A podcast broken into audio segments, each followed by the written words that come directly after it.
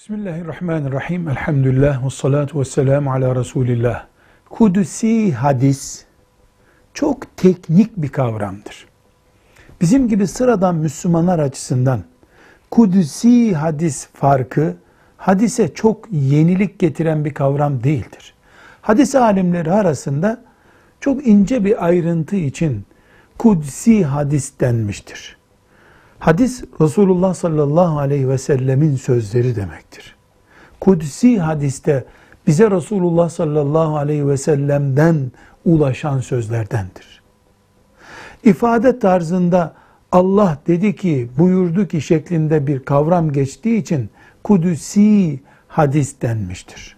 Hadisi vahiy olarak görüyorsak, kudüsi hadis de vahiydir.